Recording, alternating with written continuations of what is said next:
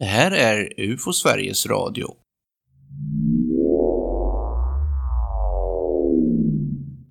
Rapport 2021-147 Inkom den 19 juli 2021.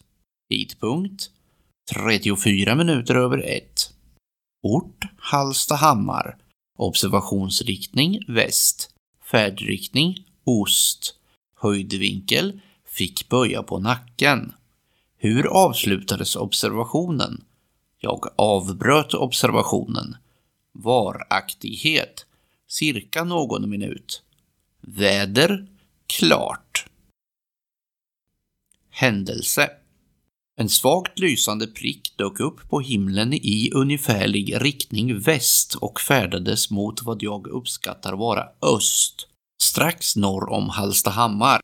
De flesta hade missat den på grund av det svaga lilla skenet. Det var stjärnklart, men inte jättemörkt på grund av årstiden. Såg ut att färdas lite snabbare än ett flygplan brukade göra, men inte stor skillnad i sådana fall. Höjden var svår att avgöra på grund av att det var molnfritt väder. Slutsats. Beskrivningen är fullkomligt överensstämmande med en satellit. Rapporten läggs till handlingarna som IFO. En helt vanlig rapport inkommen under året till UFO Sveriges rapportcentral. Vi ska i avsnittet berätta om något som kanske kan kännas djupt och nördigt, men tanken är att det ska ge en inblick i UFO Sveriges rapportarbete och dess resultat. Välkomna till UFO Sveriges Radio och rapportåret 2021.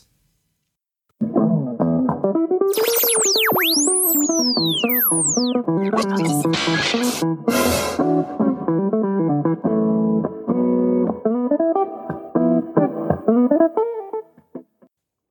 ska ni åter vara välkomna till UFO Sveriges Radio. Jag hälsar er varmt välkomna och även till min bisittare Thomas Michanek. Varmt välkommen! Tack ska du ha. Ja, och idag ska vi prata om rapportåret 2021, det vill säga vad är det som har hänt egentligen rapportmässigt under förra året? Då tar vi väl vid där vi slutade i den föregående podden. Ja, Ni som har lyssnat på vår nyårspodd så avslutar vi den med en liten kort sammanfattning av rapporterna som kommit in. Men nu tänkte vi göra en lite större djupdykning. Och därför så har vi också med oss, som ansvarig för Rapportcentralen, Johan Gustafsson. Du ska också känna dig varmt välkommen. Tackar, tackar. Du har ju nu eh, ganska senast de här dagarna gjort ett stort arbete med att sammanställa den här statistiken antar jag. Det är ju ett återkommande inslag varje gång eh, jag ställs inför ett årsskifte. Vi har ju sammanställt eh, statistik från det gångna året åtminstone de senaste åtta åren nu. Så det är ju någonting jag gör i januari varje år.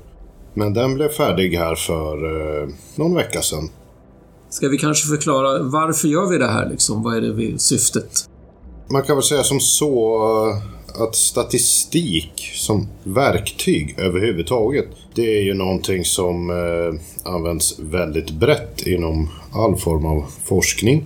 Och eh, UFO Sverige jobbar ju som bekant med vetenskapliga ambitioner. Vi är ju en organisation som försöker förhålla oss så långt eh, det är möjligt till vetenskapliga modeller. Och därför har ju jag eh, lagt väldigt eh, stor vikt vid det här sedan jag tog över Rapportcentralen. Att varje år försöka presentera strukturerade och samstämmiga siffror över året som har gått. Just för att ge en återkommande redovisning av rapportläget över åren över tid, alltså från det gångna året och flera år i rad. I syfte att eh, dels naturligtvis eh, för allmänheten visa upp hur, hur det ser ut. Det finns ju ett allmänintresse i det också, men även för att ge en möjlighet till eh, överblick, översikt för folk som är lite mer intresserade, kanske vill ha möjlighet att kika närmare på siffror och forma lite annat material efter det. Det finns så mycket man kan göra med just statistik av olika Men sorter. det är bland annat för att vi ska kunna påvisa trender och sånt som händer över tid. Ja, det, som sagt det finns så mycket man kan göra med statistik. Nu är det här eh, väldigt enkla och banala statistiska presentationer. Det finns ju en hel vetenskap bakom statistik naturligtvis. Men eh, det är ett av syftena. För att eh, det ska gå att se hur såg det ut det här året? Hur fördelade sig rapporterna mellan de olika beteckningarna som vi kommer till här strax och eh, hur jämförs det med andra år och vad kan vi då kanske förvänta oss framöver? Hur såg det ut nu? Hur kommer det se ut nästa år? Det, det är ju lika intressant det, att se kommer det skilja sig inför det kommande året mot tidigare år. Det här gör vi ju inte bara internt utan du gör ju, vi går ut till media också. Det sköter ju du också Johan.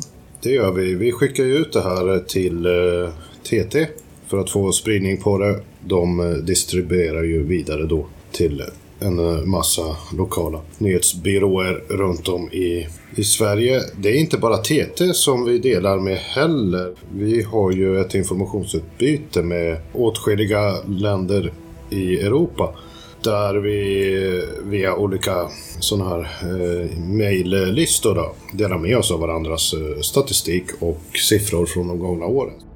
Men gör de statistik på samma sätt så att det är enkelt att jämföra mellan länderna? Nej, alltså där finns det ett krux i sammanhanget. Va? Det har ju jag varit noga med så länge jag har gjort den här statistiken och sett till så att eh, det sker efter samma upplägg, samma struktur och eh, samma kriterier.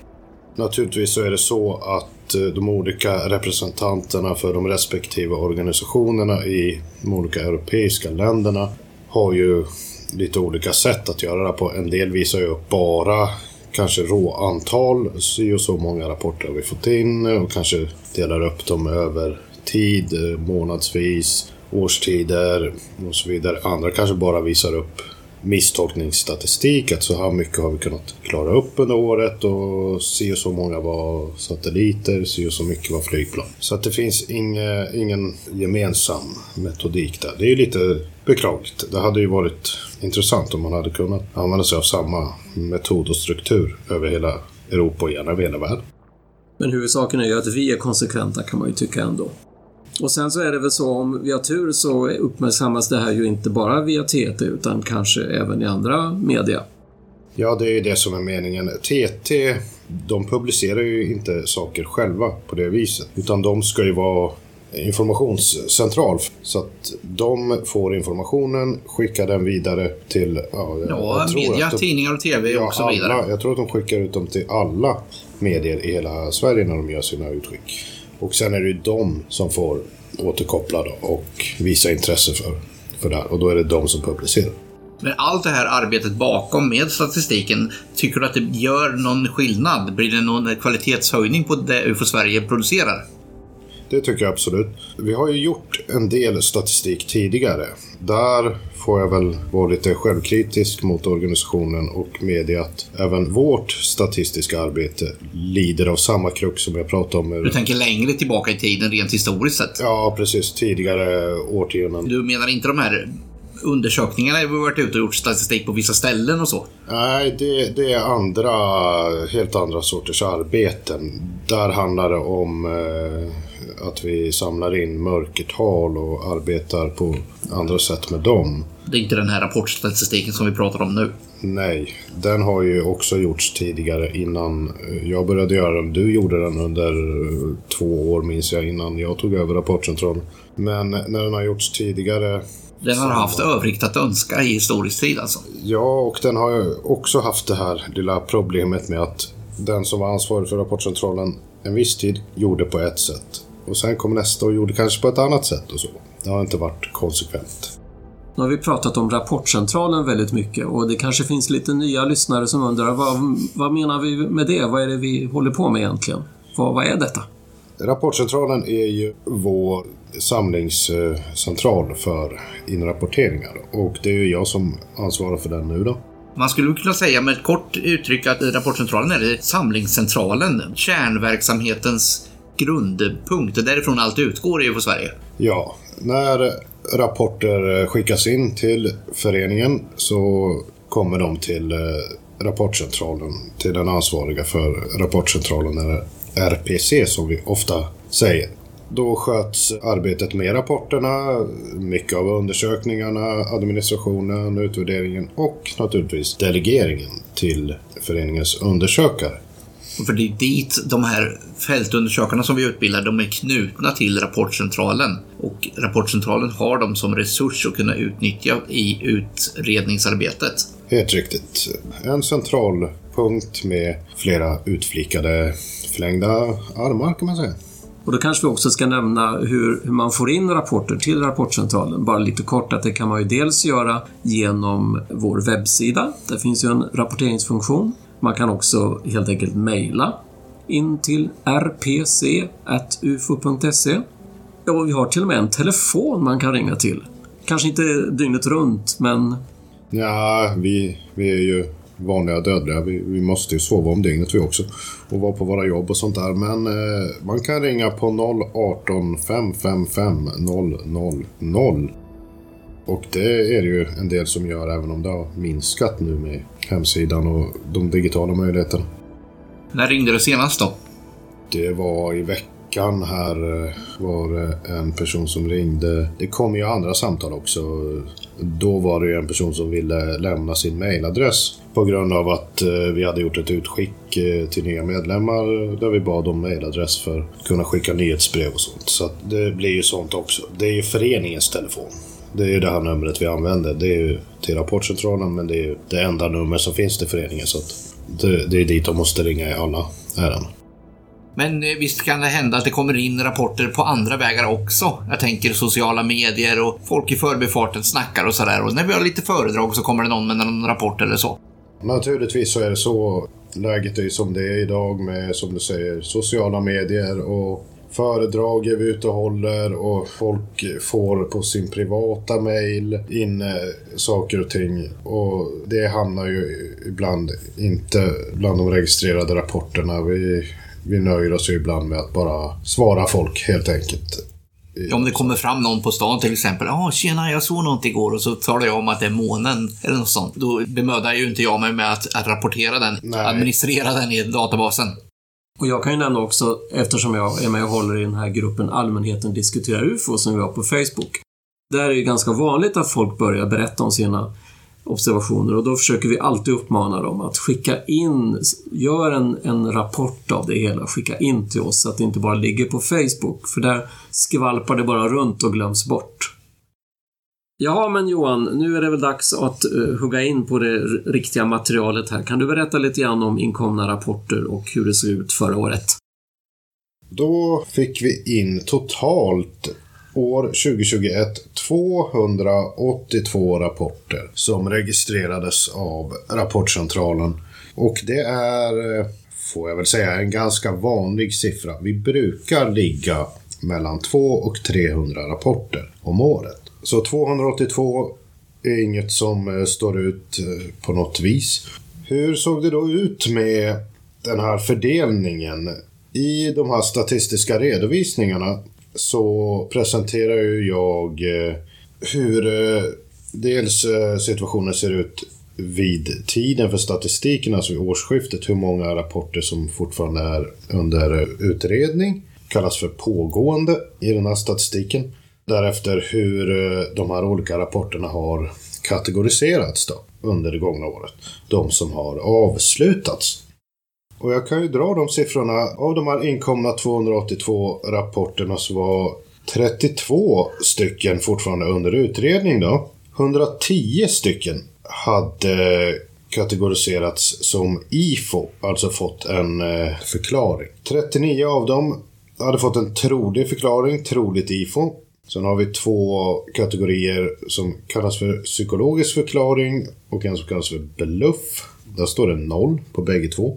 Det fanns inga rapporter som kategoriserades där under, under året, vilket inte heller är något ovanligt. Det är ganska många år som det står noll på de där. Beteckningen svårbedömd gavs till 18 rapporter. Beteckningen ej bedömbar gavs till 82 rapporter. Och sist men inte minst naturligtvis en UFO-beteckning gavs till en rapport. Och då kan man ju naturligtvis börja fundera här. Oj, ett enda ett enda UFO av de här 282. Men det innebär ju inte att det inte finns en del märkliga andra rapporter som vi inte ger beteckningen UFO.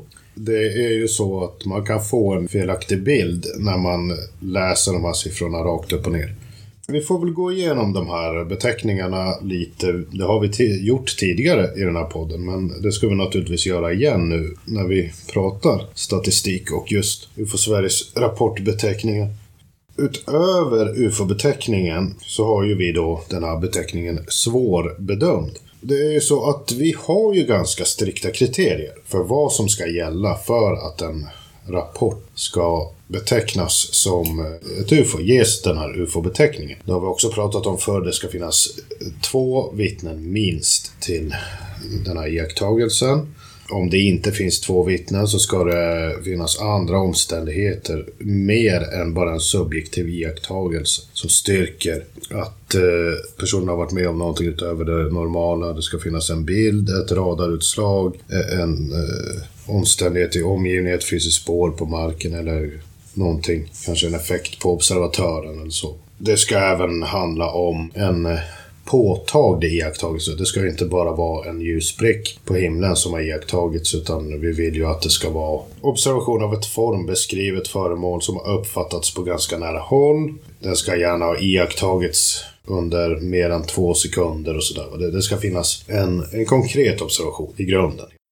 Och en sak till vi inte får glömma, vi måste ju veta exakt tidpunkt och plats för observationer också. Annars är det jättesvårt att kontrollera mot eh, eventuella misstolkningar. Precis, den eh, ska ju vara grundligt undersökt. Det är ju inte möjligt om man saknar eller ens har ett osäkert datum.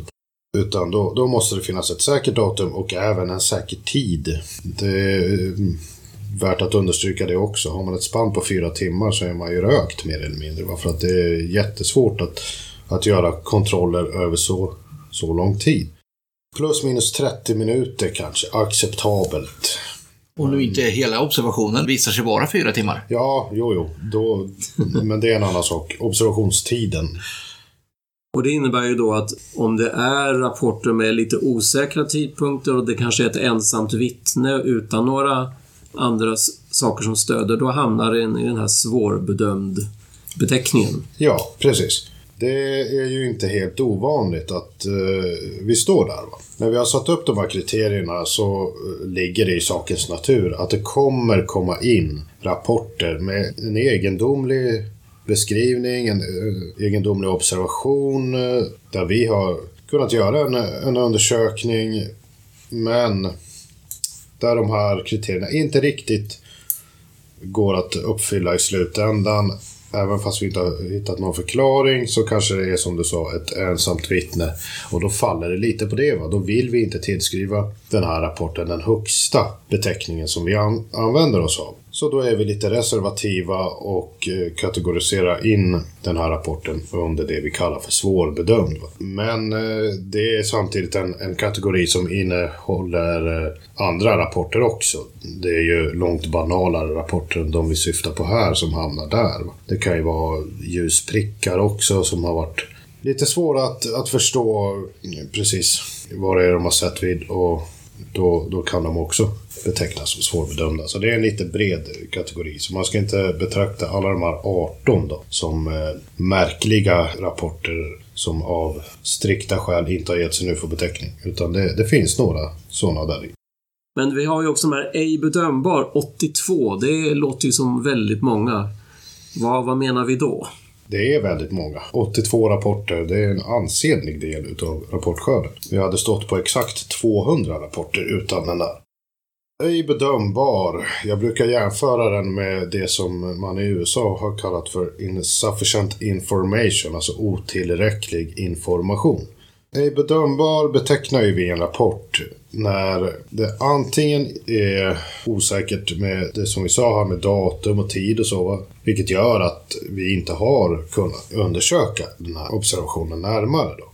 Det kan också handla om andra saker som eh, exempelvis att observatören inte är kontaktbar eller samarbetsvillig. Tyvärr så får jag väl säga det att det är skälet till eh, ganska många av de här 82 rapporterna. För att det är inte helt ovanligt att jag försöker kontakta en observatör som har skickat in en rapport till oss men får inget svar. Oftast handlar det då om att jag försöker mejla vederbörande men får aldrig något svar där. Och det är ändå trots att det är de som har tagit den initiala kontakten med UFO Sverige. Det är de som har skickat in en rapport till oss. Och när vi försöker återkoppla med dem så får inte vi något svar tillbaka. Men vad beror det på då? Ja, det vet inte jag med säkerhet. Jag tror att det kan vara varierande skäl. Det har hänt att jag har fått svar av observatörer i sådana lägen flera år i efterhand. Och de ber tusen gånger om ursäkt och säger att de skulle ha svarat på det där. Men det föll i glömska och sen vart det liggande. Och nu fick de syn på det igen och tänkte oj. Jag tror att eh, det ofta är på liknande sätt. Man skickar in en rapport, man vill delge sin eh, upplevelse. Och sen är man nöjd? Sen är man nöjd, ja. Då har man eh, gjort eh, sitt jobb lite grann. Fått in sin eh, observation i registrerad form. Sen eh, när vi kommer och ställer kanske vad som kan uppfattas som lite jobbiga detaljfrågor. Då kan det bli lite, lite jobbigt att svara. Va? Det kan väl vara så att folk känner att de har redan pratat av sig. De har fått ur sig den här berättelsen. Och äntligen tycker de nu, nu är det klart. De tycker att de har gett all information, men vi känner att ja men det här var väl lite osäkert. Vad menar du med det där och vilken tid var det? Och då plötsligt blir det jobbigt liksom att börja berätta igen och detaljerat. Ja, högst sannolikt så är det en förklaring i många fall och jag kan tänka mig att det finns många tillfällen då vittnena också känner när de får ett mejl av oss. Jaha, okej, okay, ja det var lite jobbiga frågor så, men jag ska försöka svara på det. Inte just nu, jag, jag tar det i dagarna. Och så ser de det där tre dagar senare och så... Ja, just det. Ja, eh, till helgen. Och så fortsätter det på det planet och sen så blir det aldrig av.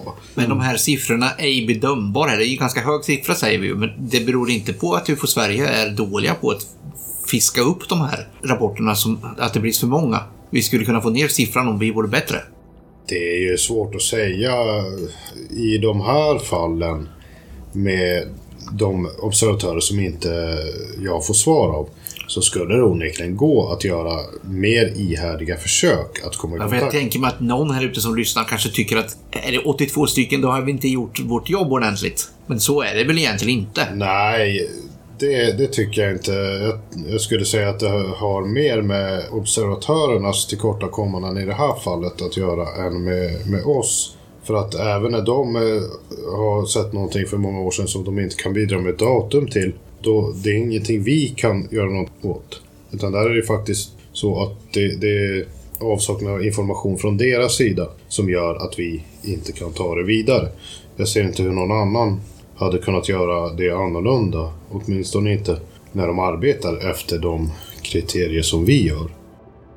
Ja, jag, jag kom att tänka på det när du sa det här att det är ju ganska vanligt att folk hör av sig. Ja, jag minns när 1974 så såg jag någonting. Eller var det kanske 1980? Och då blir det ju nästan helt omöjligt att utreda det om de verkligen inte kan precisera det.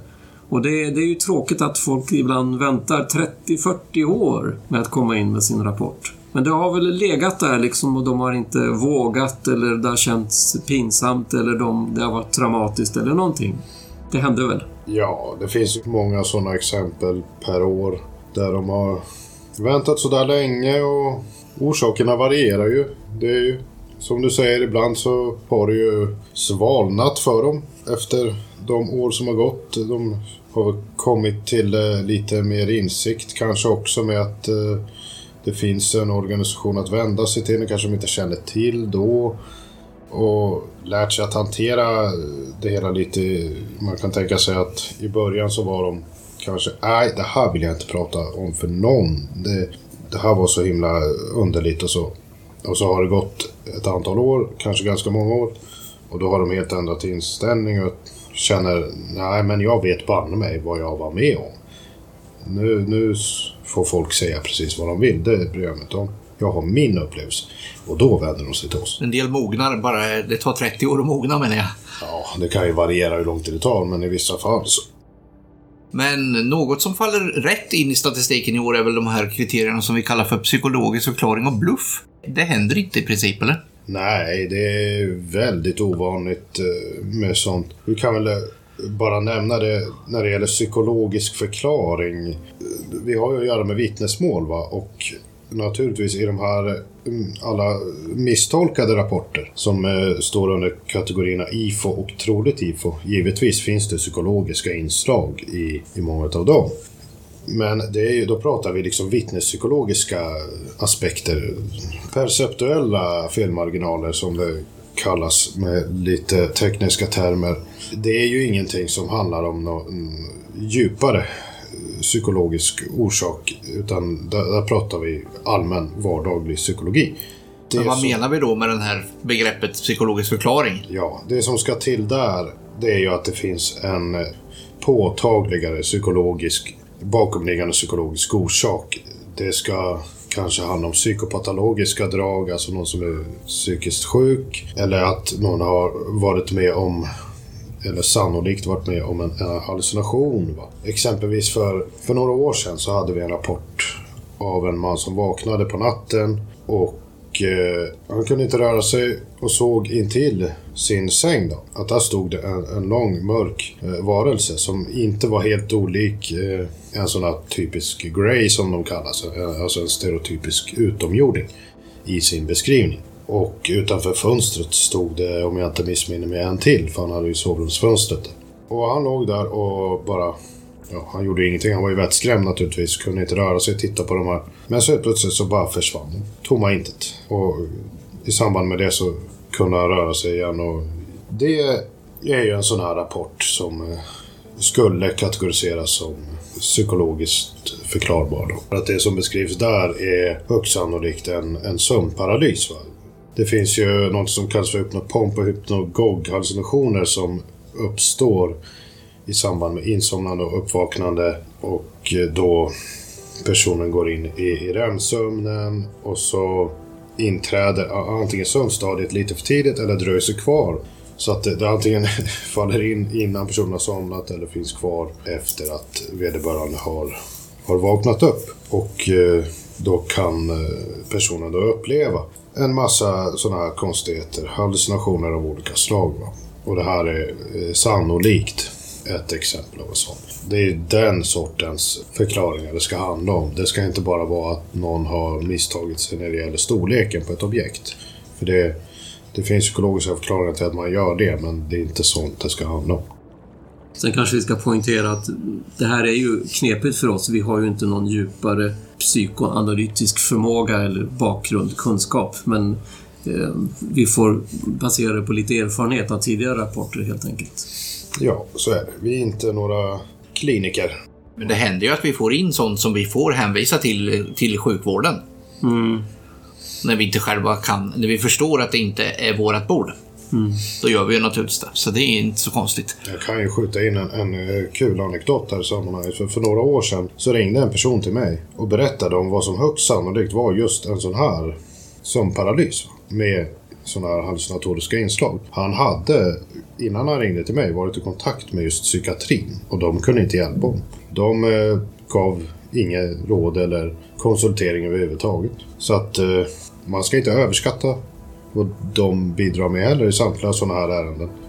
Jag, jag förstår ju att du som Rapportcentralens ansvarig här får vara lite jourhavande medmänniska ibland. Ja, det har hänt eh, fler än bara mig i föreningen. Men bluffar då? Hur är det med det? Ja, lika ovanligt det.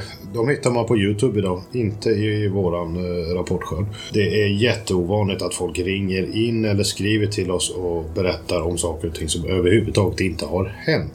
Det är ganska lätt att eh, förstå att en person verkligen har varit med om någonting när man eh, intervjuar någon. För att eh, det, det, finns alltid en eftertänksamhet, en reservation, en, alltså ett uppenbart minnesinslag hos de som har varit med om någonting. Du får inte ett rakt svar. Du ställer en fråga och de velar lite grann i sitt svar. Vad det, eh, ja du, Oj, nu måste jag tänka. Och så, alltså om jag exempelvis frågar om storleken på ett objekt. Hur stort var det i ditt synfält? Om du tänker dig eh, jämför med någonting, månen upptar en halv centimeter exempelvis. Och så hör jag att de, de står där på andra sidan telefonen. Ja, jag, jag ska... Jag måttar. Alltså den är... Saker och ting är ju lite större än vad man tror i rummet. Och så där. Alltså, man märker att de, de försöker verkligen minnas hur någonting de har varit med om faktiskt gick till. De, de försöker inte bara höfta fram en, en fiktiv uppgift. bluffar är väl ofta lite mer tydliga. Det, det, kommer kanske en ganska otrolig och detaljerad och skarp berättelse just utan de här inslagen som du säger nu. Så att man förstår att nu är det något lurendrejeri på gång här nästan. Ja, precis. Det, det brukar vara vid de få tillfällen när, när de har ägt rum eller där vi har misstänkt det så brukar de vara ganska lätta att sålla ut. Så de riktiga bluffarna är i dagens läge mera hänvisade till Facebook? Eller vad säger du Thomas? Ja, och, och Youtube som, som Johan sa. Det förekommer ju ganska mycket i, i både ja, vår grupp, allmänheten, diskuterar UFO och andra ställen att ja, de, någon har hittat någonting på YouTube och tycker det här är en fantastisk händelse och man har ingen aning om vem är det som har filmat och när skedde det och så vidare. Men det är, det är alltså ingen regelrätt bluff av någon känd person utan den, det går i steg. Någon skickar in någon annans material i tron om att det kanske är något roligt. Ja, så kan man ju säga. Och tyvärr är det ju så att det är väldigt lätt att fejka saker med, med filmer på YouTube. Nu gör ju naturligtvis inte alla det, men man ska vara väldigt, väldigt reserverad för, för att eh, nappa på något sånt, det måste jag säga. Det som Claes Svahn ofta brukar säga, att YouTube, det är underhållning. Inte så mycket annat. Vi har två kategorier kvar där, va? Ja, vi har våra vanligaste kategorier. IFO och troligt IFO. Det är ju Identified Flying Object. Då. Det är ju, när vi skriver IFO då har vi ju kommit fram till en ganska säker förklaring. Då har vi med god sannolikhet kunnat sätta fingret på vad det är som observatören har sett för något. Eller fotat, ska jag säga. En eh, stor del av de där avser bilder av eh, vice versa saker som kommit in när de hittat saker och ting på bilden i efterhand. Men det skulle inte önskedrömmen vara att alla våra rapporter som UFO Sverige får in hamnar i den kategorin? Ja... Vore inte vi världsmästare på det vi gör då? Ja, nej, eh, det, det, kan jag inte påstå att jag håller med om. Visst vore det eh, meriterande att kunna lägga allting till handlingarna som IFO. Men eh, om man, som i mitt fall, är av den bestämda åsikten att det finns ett genuint outforskat fenomen som inte klassas som IFO i dagens läge, då skulle i alla fall jag tycka att det är mer intressant när det kommer in rapporter som representerar exempel utav sådana iakttagelser. Sen eh, är det ju naturligtvis när vi har förstått oss på vad de eh, rapporterna är och kan klassa även dem som IFO. Då, då skulle det vara... Jag skulle bli väldigt nöjd om vi kunde kategorisera allt som IFO då också. Men där står vi inte idag. Vi förstår inte det här genuina fenomenet bakom en kärna av rapporten. Och de kommer inte kunna ges en IFO-beteckning idag. Därför ser jag gärna att vi får in lite studiematerial av annat slag i form av den sortens rapporter också under ett år. Så rapportstatistiken ser ganska frisk ut enligt dina mått mätt? Ja, det är ganska vanliga siffror där. De är inte... Det är ingen, ingen av de här kategorierna som sticker ut? Nej, Nej. det tycker jag inte. Men vad är det som skiljer då troligt IFO från IFO? Troligt IFO, då är det ju lite mer reservativt. Då har vi en god uppfattning om vad det som eh, har rapporterats kan vara för någonting. Men vi har inte riktigt kunnat eh, sätta fingret på exakt hur det förhöll sig. Det kan vara typiskt till exempel någon, en satellitpassage. Någonting som verkligen beter sig och ser ut som en satellit men vi har inte liksom lagt ner arbete på att identifiera vilken satellit var det som flög förbi. Ungefär på det viset kan det se ut. Mm. Men även om vi hade då oändliga resurser att utreda de här apparaterna, skulle då eh, statistiken se annorlunda ut? Det tror jag inte. Den uh, har ju sett ungefär likadan ut under de här eh, åtta åren. Det har diffat med 10 procents uppklarning ungefär. 10 andelar och eh, vi har ju jobbat, under vissa av de åren har ju jag jobbat med att just eh, göra det som Thomas sa här i större utsträckning än vad jag gör idag. Identifiera varje enskild satellit, varje enskild flygplan och så vidare. Så det kanske är troligt IFO kanske har ökat något i förhållande till IFO? Ja, eventuellt så. Det, det är väl en möjlig skillnad. Nu har vi ju gått igenom de här kriterierna som vi har, men i den samlade statistiken som vi går ut med så ingår ju inte alla de här kriterierna. Det får du förklara.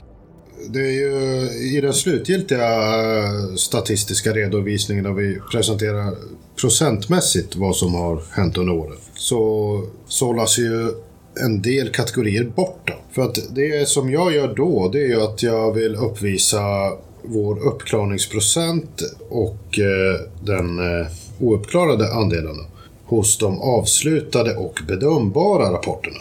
När vi lägger upp den siffran så tas ju då för det första alla pågående rapporter som är under utredning. De eh, exkluderas ju då för att där har vi ju inte nått den slutsatsen. Och de kanske kommer med nästa år? Kanske, nej inte nästa år men... De, de kommer kanske, till senare? Kanske kommer till, ja. Så de kommer ju till i, slut, i siffrorna senare. Det görs ju ingen ny statistisk redovisning, det görs ju bara en gång om året. Men de kommer ju till i, i antalen sen, i rapportsamlingen.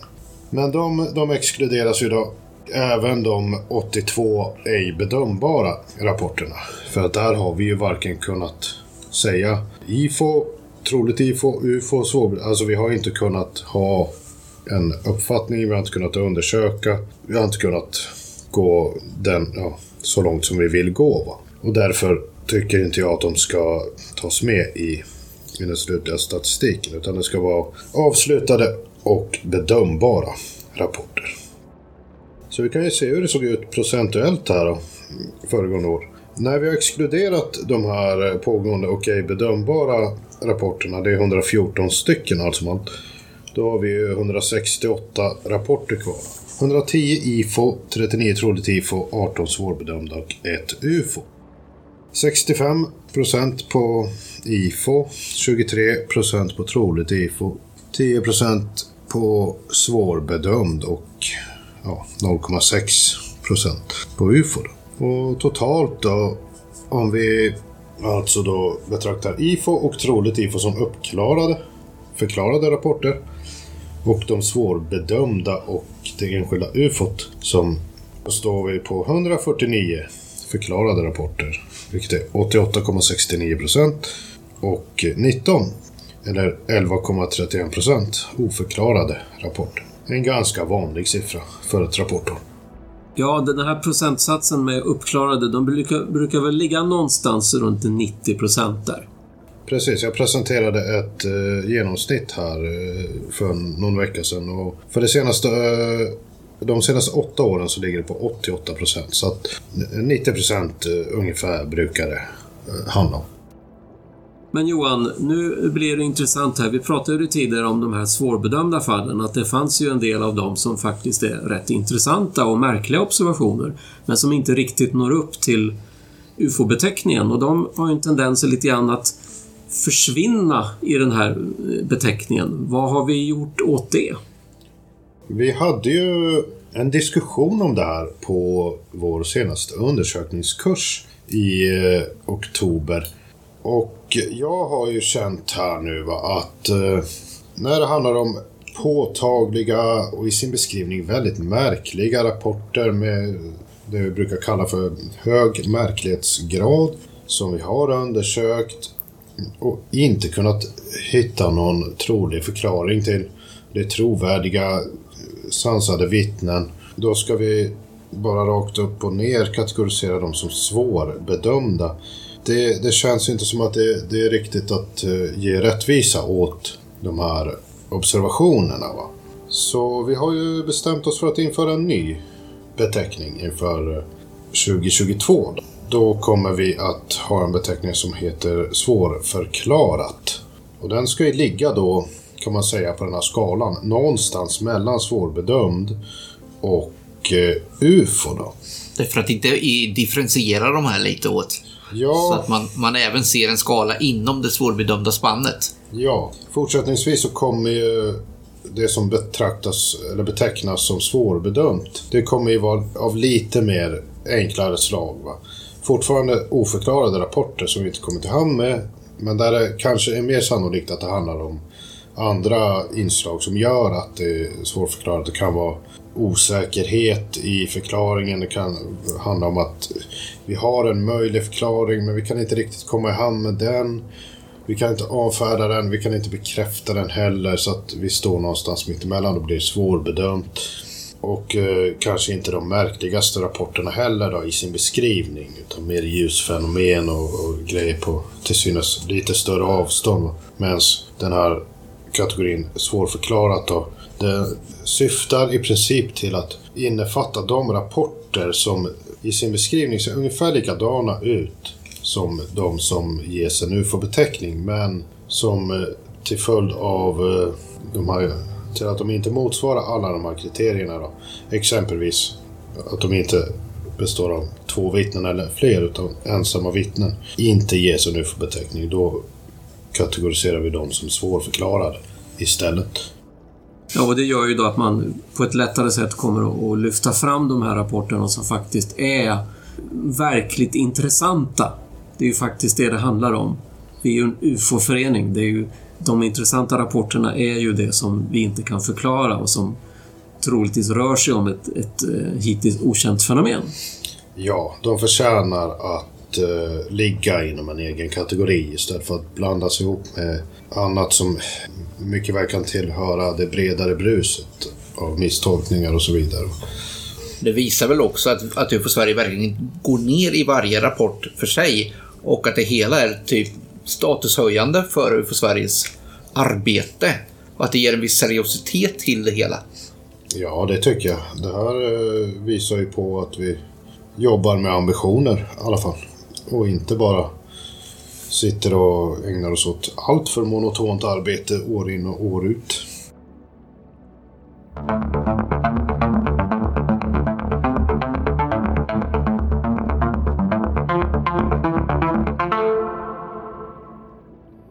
Och är det inte så Johan, att eh, vi skulle kanske kunna ta och avsluta här med just någonting som skulle kunnat få en sån här beteckning svårförklarat om den hade funnits här under 2021? Har vi inte en lite märklig rapport? Den här rapporten är ju faktiskt en av orsakerna till att eh, jag ville införa den här nya kategorin. Den här eh, observationen ägde rum den 7 augusti 2016, så att den var några år gammal när den kom in. Den inträffade... Det finns en liten by utanför Piteå som heter Pålberget. Och den här personen då, han hade varit på sitt nattarbete. Han jobbade som vårdbiträde inom psykiatrin. Var på väg hem. Klockan var runt 06.30 strax därefter på morgonen. Han kör bil, han bor i Älvsbyn. Så han ska åka däremellan. Kör norrut. Det är ljust, solen står ju över horisonten här. Och när han kommer in i den här lilla byn då, Pålberget. Då ser han på vänster sida, det första huset i byn och över gärdet, eh, det finns en, en, ett gärde, en liten hage utanför det landsbygd, va, sporadiskt utplacerade hus här. Va, så över det så ser han på ganska låg höjd som man uppfattar det hänger ett föremål stilla i luften. Det är runt och någorlunda platt föremål. Beskrivs som liknande en navkapsel. Svart till färgen. Inga utskott, gluggar, fönster, ingenting sånt. Svart navkapsel med avkapade kanter. Inte alltså avrundad utan eh, kapade kanter. Eh, Men Johan, eh, det var visserligen ljust, men hur var det med lampor då? Ingenting sånt på det här föremålet? Inget alls. Det här föremålet är becksvart. Som en silhuett mot himlen alltså. Ja, det kan man säga, men det är som svart, som matt stål kan man säga. Det var i alla fall de ord han använde för att beskriva det. Inga ljuskällor alls. Och 25 meter ungefär då, uppskattar han eh, diametern då, på det här objektet och en 8-10 meter ungefär på höjden. Då. Det hänger ju stilla där då, över den här hagen eller gärdet så. Naturligtvis han bromsar in va och tittar på den här grejen. Står still där. Efter en liten stund så rör sig då det här föremålet bortåt och snett uppåt också mot Eh, det, det är som en skogskant eh, en bit borta som löper längs med hela den här byn. Så det, det drar sig bortåt emot den här. Och då börjar han köra med bilen vidare norrut längs den här byn. Och föremålet rör sig vidare eh, jämte vägen och hänger på honom ungefär. Så han fortsätter fram och kommer då till en avtagsväg. Det finns en avtagsväg som löper över en järnväg som går genom byn. När han kommer dit så har föremålet stannat över den här avtagsvägen en bit, en bit in på den också. Då svänger han in där och kör emot det här objektet. Han känner uppenbarligen ingen rädsla vid det här tillfället då. Han är väldigt konfunderad över vad det är han ser. Va? Jag ska inte svära på exakt vad han sa på den punkten. Han är uppenbarligen tillräckligt nyfiken för att övervinna det i sådana fall. Men hur nära är han nu då? Ja, det är nu han kommer som närmast då.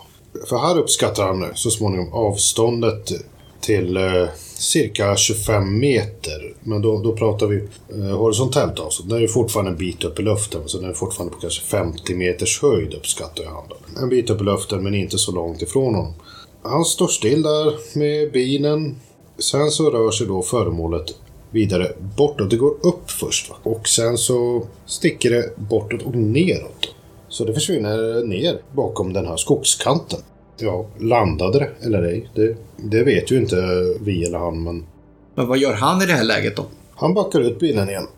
Han ska ju hemåt så han fortsätter norrut, men eh, vid det här läget så har föremålet kommit upp igen. Det stiger på nytt. Fortsätter längs med vägen han går i, jag minns att han gick i 90 knyck ungefär. Och den kommer ikapp honom och kör om honom. Sen kommer han då fram till, eh, det finns, eh, järnvägen går över järnvägsbron. Och den ligger precis i norra änden på den här byn på, på Pålberg. Så där stannar föremålet upp. Och det gör han också. Och då stiger den först då, eh, till, eh, jag vill minnas att han uppskattar 500 meters höjd. För han, han står där och tittar på den här grejen. Och när den har stigit alltså, sen skjuter den som in i en liten båge. En väldigt liten vinkel och så tju, försvinner den rakt upp vertikalt. Och så är den borta. Det går jätte, jättefort. Den blir bara en liten prick i skyn och är borta. Han blir ju väldigt förbryllad som sagt och kan ju inte förstå vad det var han såg för någonting. Ja, det verkar ju vara... Han har ju sett det på väldigt nära håll, får man ju lov att säga. Svårt att tänka sig att han misstar något ordinärt föremål. Det måste ju ha tagit en liten tid också det här. 11 minuter. Det, det är faktiskt så pass exemplariskt att han har klockat den här observationen. Eller inte, han har ju... Han tittade på klockan strax innan han- observationen påbörjades när han kom till Pålberget. För han vet när han slutade jobbet.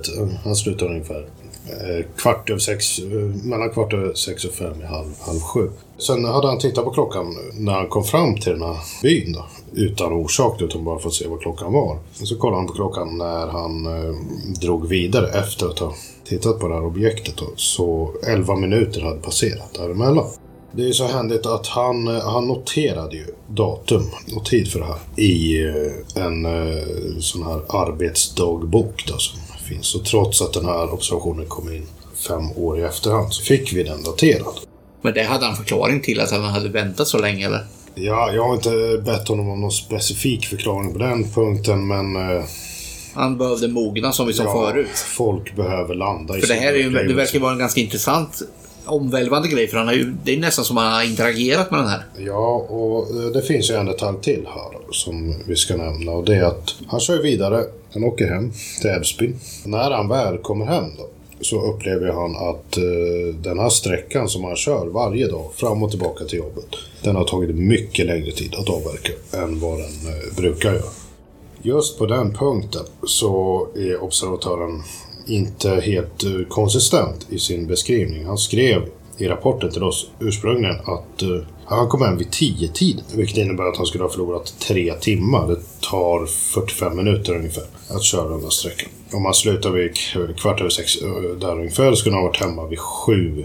Ge de här 11 minuterna som han observerade föremålet också att det- lite dröjsmål skulle han ha varit hemma 10 över 7 men han kom hem klockan 10. Det är nästan tre timmars tidsförskjutning där. Men när jag sen intervjuade honom så pratade han om att eh, han var hemma vid 8.30. Och det är ju viss skillnad och det är ju en och en halv timme istället tidigare. Men han skulle ju fortfarande varit hemma eh, runt sju snåret. Jag har ju kollat sträckan på Google Earth. Det tar 40 minuter att köra sträckan mellan hans jobbadress och hans dåvarande bostadsadress. Ja, det är ju osannolikt att han skulle ha kört så pass långsamt. Det, det går ju inte ihop. Nej, nej. Det... Och det beror inte på att han blev skärrad eller något efteråt, att han har bara varit skakig och kört jättesakta. Alltså, det, det finns eh, vissa resonemang som man kan föra här och jag har eh, spekulerat i sådana i arbetet med den här rapporten. Jag tror det ligger lite utanför syftena med, med den här podden att, att ge sig in på dem. Men det är där vi börjar närma oss det här begreppet svårförklarad istället för ufo-begreppet. Ja, alltså det här är ju en väldigt eh, exotisk beskrivning som han ger oss. Han har upplevt någonting som i sin beskrivning uppvisar väldigt avvikande detaljer när det kommer till både form och beteende. Det finns ingenting känt som ser ut och beter sig så här. Va? det som du sa Thomas, prata om misstolkningar i sådana här lägen, det är inte helt lätt. Va? Det, det känns mycket osannolikt. Sen är det det här med att det tog så lång tid för honom att rapportera. Självfallet kan det ha hänt en del med, med minnet va, under de här åren som har gått. Och det är ju en nackdel i fallet vi har att göra med ett ensamt vittne. Det är särskilt, ska jag säga, när vi har att göra med så här påtagliga och extraordinära berättelser. Man kan väl säga att hade den här rapporten kommit in direkt efter observationen så hade det kanske funnits möjlighet till och med att kontakta några boende i den här byn och se om... Jag gjorde faktiskt ett brevutskick. Jag skickade brev till samtliga boende i den här byn för att se om, eh, om det fanns fler som hade upplevt den här grejen. Det hade ju varit väldigt eh, positivt om vi hade kunnat få in ytterligare ett vittne, eller gärna flera vittnen, på den vägen. Så jag skickade ut eh, någonstans mellan 50 och 100 brev till folk i, i Pålberget och omgivande byar. Jag fick svar av några stycken. Det fanns ett par som hade sett någonting samma kväll, men det var det var på kvällen, det var inte på morgonen och det var en bit därifrån det var eh, flera mil, eh, eller i alla fall någon mil söderut och det var en annan grej. Det var ett ljusfenomen på himlen. Liksom. Sen var det ytterligare någon som hörde av sig och föreslog att ja, men, eh, ledningarna på järnvägen blixtrar lite när, det, när tåget åker. Det kan vara det som har setts. Men någon kompletterande observation av den här grejen kom inte in. Ja, men det är ett fantastiskt jobb där att, att göra det utskicket. Jag tycker jag verkligen vi har gått till botten och försöka göra de här alla åtgärder som går faktiskt. När det var så lång tid efteråt, hade vi fått den här direkt hade vi ju kunnat åkt dit och kanske knackat dörr och fått ännu mer svar. Det hade varit en möjlighet. Men det har ju med tid och alltså tidpunkten för händelsen att göra. Att vi inte fick den när den var färsk. Det hade ju varit väldigt önskvärt naturligtvis. Jag ska säga det också att vi har ju kollat radarn över det här området vid tiden. Och eh, de militära radarstationerna såg ingenting över området vid tiden. Vi gjorde en ganska bred koll med marginal i tid, men eh, det syntes inga avvikande objekt på radarn, det syntes inga felkällor, inga flygplan, ingen trafik alls, ingenting som kunde ge någon som helst klarhet i vad det här kan ha varit för någonting.